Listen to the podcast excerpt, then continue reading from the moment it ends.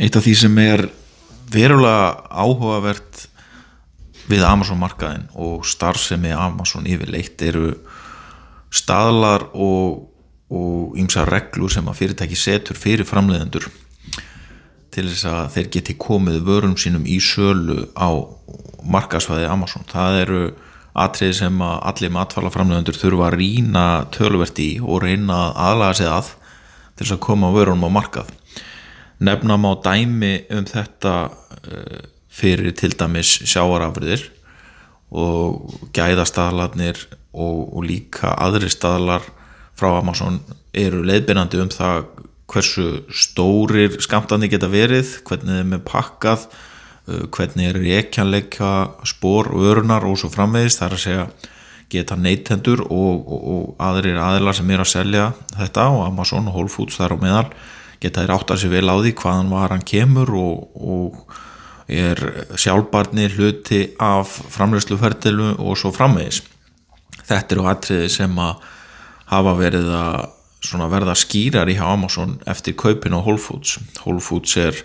þekkt fyrir gæðavörur og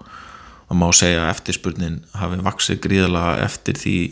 eftir þessum vörum sem að Whole Foods er að selja ekki síst vegna þessa frá upphafi þessara keðju hefur það verið svona leiðastef að vera með mjög gott spór þegar kemur að kemur að sjálfbarni og líka bara almennu hulbriði þannig að þetta er atriði sem að uh, framleiðendur þurfa að rýna vel í. Hvernig, hvaða, hvaða leiðsög kemur fram í stöðlónum frá Amazon hvað þetta snertir annað sem að skipti líka verulega máli væri að rýna í árangusögurnar sem við þó höfum innan Amazon markaðarins og inn í Whole Foods. Það má til dæmis nefna Siggis skýrið frá Sigurði Kjartani Hilmarsinni sem að byggði upp þá glæsilu vöru með samstagsfólki sínu. Uh, allt þar til fyrir ekki svo lengur síðan að franski mjölkurísin Lactalis kefti, kefti vöruna eins og hann hefur sagt sjálfur þá, þá byggði árangurinn að miklu leita á góðum árangri innan Whole Foods keðunar og, og að sína stefnufestu og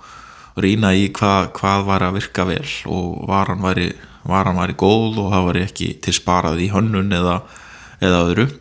Uh, þetta var í raun svona eins og bandaríkjumadunni segir þetta er bara hefðbundin branding business það sem er hugaður á öllum þáttum til þess að koma láta vöruna ná góðum árangri og, og að neytendur séu ánaði með hana. Þetta er eitthvað sem ég held að séu mikið sókn að fara í fyrir íslenska sjáurút þegar hann getur farið að búa til svona fleiri vörur eins og þessar sem geta öðlast sjálfstætt líf og ná þannig miklum árangri. Annað dæmi sem ekki svo margir íslendingar kannski þekkja er að Nói Sirius hefur náð miklum árangri með sukulæði sitt og þar er til dæmis uh, hægt að fara í hólfútsvellun og finna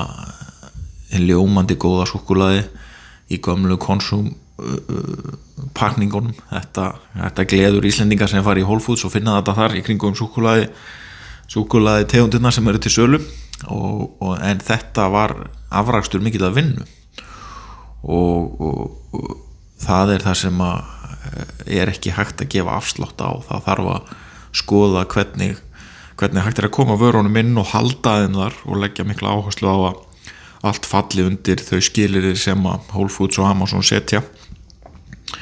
Má ekki gleyma því að, að gæðastala kerfið hjá Amazon Fresh og Whole Foods er líka leðbyrjandi um, um ráefni þar að hvað ráefni má nota og hver ekki. Allt þar þetta er þetta síðan tengt við hvað er frá matfæla eftirliti bandaríkjana og heilbriðs eftirliti í hverju ríki og svo framvis það er ákveði flækjusti þarna sem er ekki hægt að komast hjá því að skoða vel og það er í rauninni erfitt að gefa út eina leiðsögn í þessu því að þetta eru þetta eru mismunandi, mismunandi reglur eftir hverju ríki fyrir sig. Ekki síst þess vegna enn og bandar ekki að markaður flókin fyrir yngöngu það er erfitt að komast inn á hann vegna þessara, þessara hvaða það eru, það eru dæmi um svona smákonga smákonga innan gæsalappa veldi í hverju ríki fyrir sig vegna þess hvernig hvernig reglurnar í hverju ríki venda framleiðundur á hverjum stað. Þannig að þetta er, þetta er líka eitthvað sem að, sem að matvælaframlegundur á Íslandi þurfa að skoða vel þegar að er farið inn á, á bandaríkjamarka svo má ekki gleyma því að, að, að skoða svo litið í baksinni speilin þegar kemur að kemur að því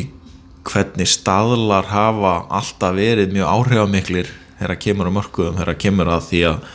til dæmis eh, auka sjálfvirkni og svo framvegist, það er alltaf einhver að vera einhverja breytingar, yðnbildingin var svolítið kerið áfram á, á hugsun sem þessari og þeir sem að náðu að sjá fyrir hvernig markaðinir myndu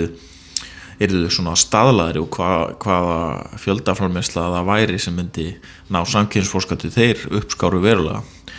Og ímsir halda því fram að það sem er að gerast í smásölu þessi missirinn það sem að, að heimsendinga þjónustu er að þróast verulega hratt og svo framins þjónustu stið að hækka að þetta sé sérlega mikilvægi þáttur núna að framleiðendur þurfa að reyna átt að segja á því hvernig er geta framleitt sangvað þessum stöðlum sem að smásölu risandir er, er að setja og, og Amazon er það leiðandi en, það, en hann hefur líka áhrif á alla aðra og, og þetta er, þetta er sérstakur áhættu þáttur fyrir Ísland að skoða þessa staðala vel hvernig megi, megi aðlaga okkar góða, góða vöruframbúða að þessum, þessum stöðnum sem að til dæmis Amazon er að setja